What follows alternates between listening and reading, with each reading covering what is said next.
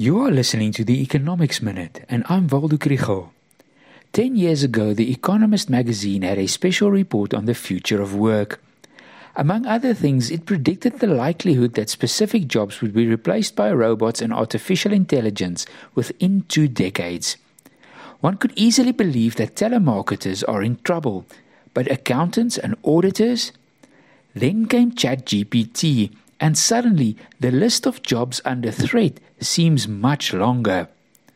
This episode is supported by the Bureau of Economic Research in Stellenbosch and the NWU Business School. Today's episode is certainly not the last word on this topic, and there are many other interesting things about artificial intelligence to listen to and read about on the internet. In short, I want to say that jobs have always been threatened by technology upheavals destroyed some jobs but created new ones. Many times the worker was not replaced by a machine, but by a machine and another, more low skilled or inexperienced, cheaper worker. This is what artificial intelligence will initially do. You may no longer need a doctor to interpret CT scans, but a technician with an algorithm will do. Maybe doctors will keep doing the work, but will we keep paying their specialist fees?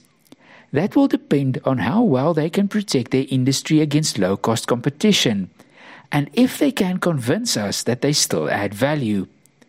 So, what does all this mean for the world of work?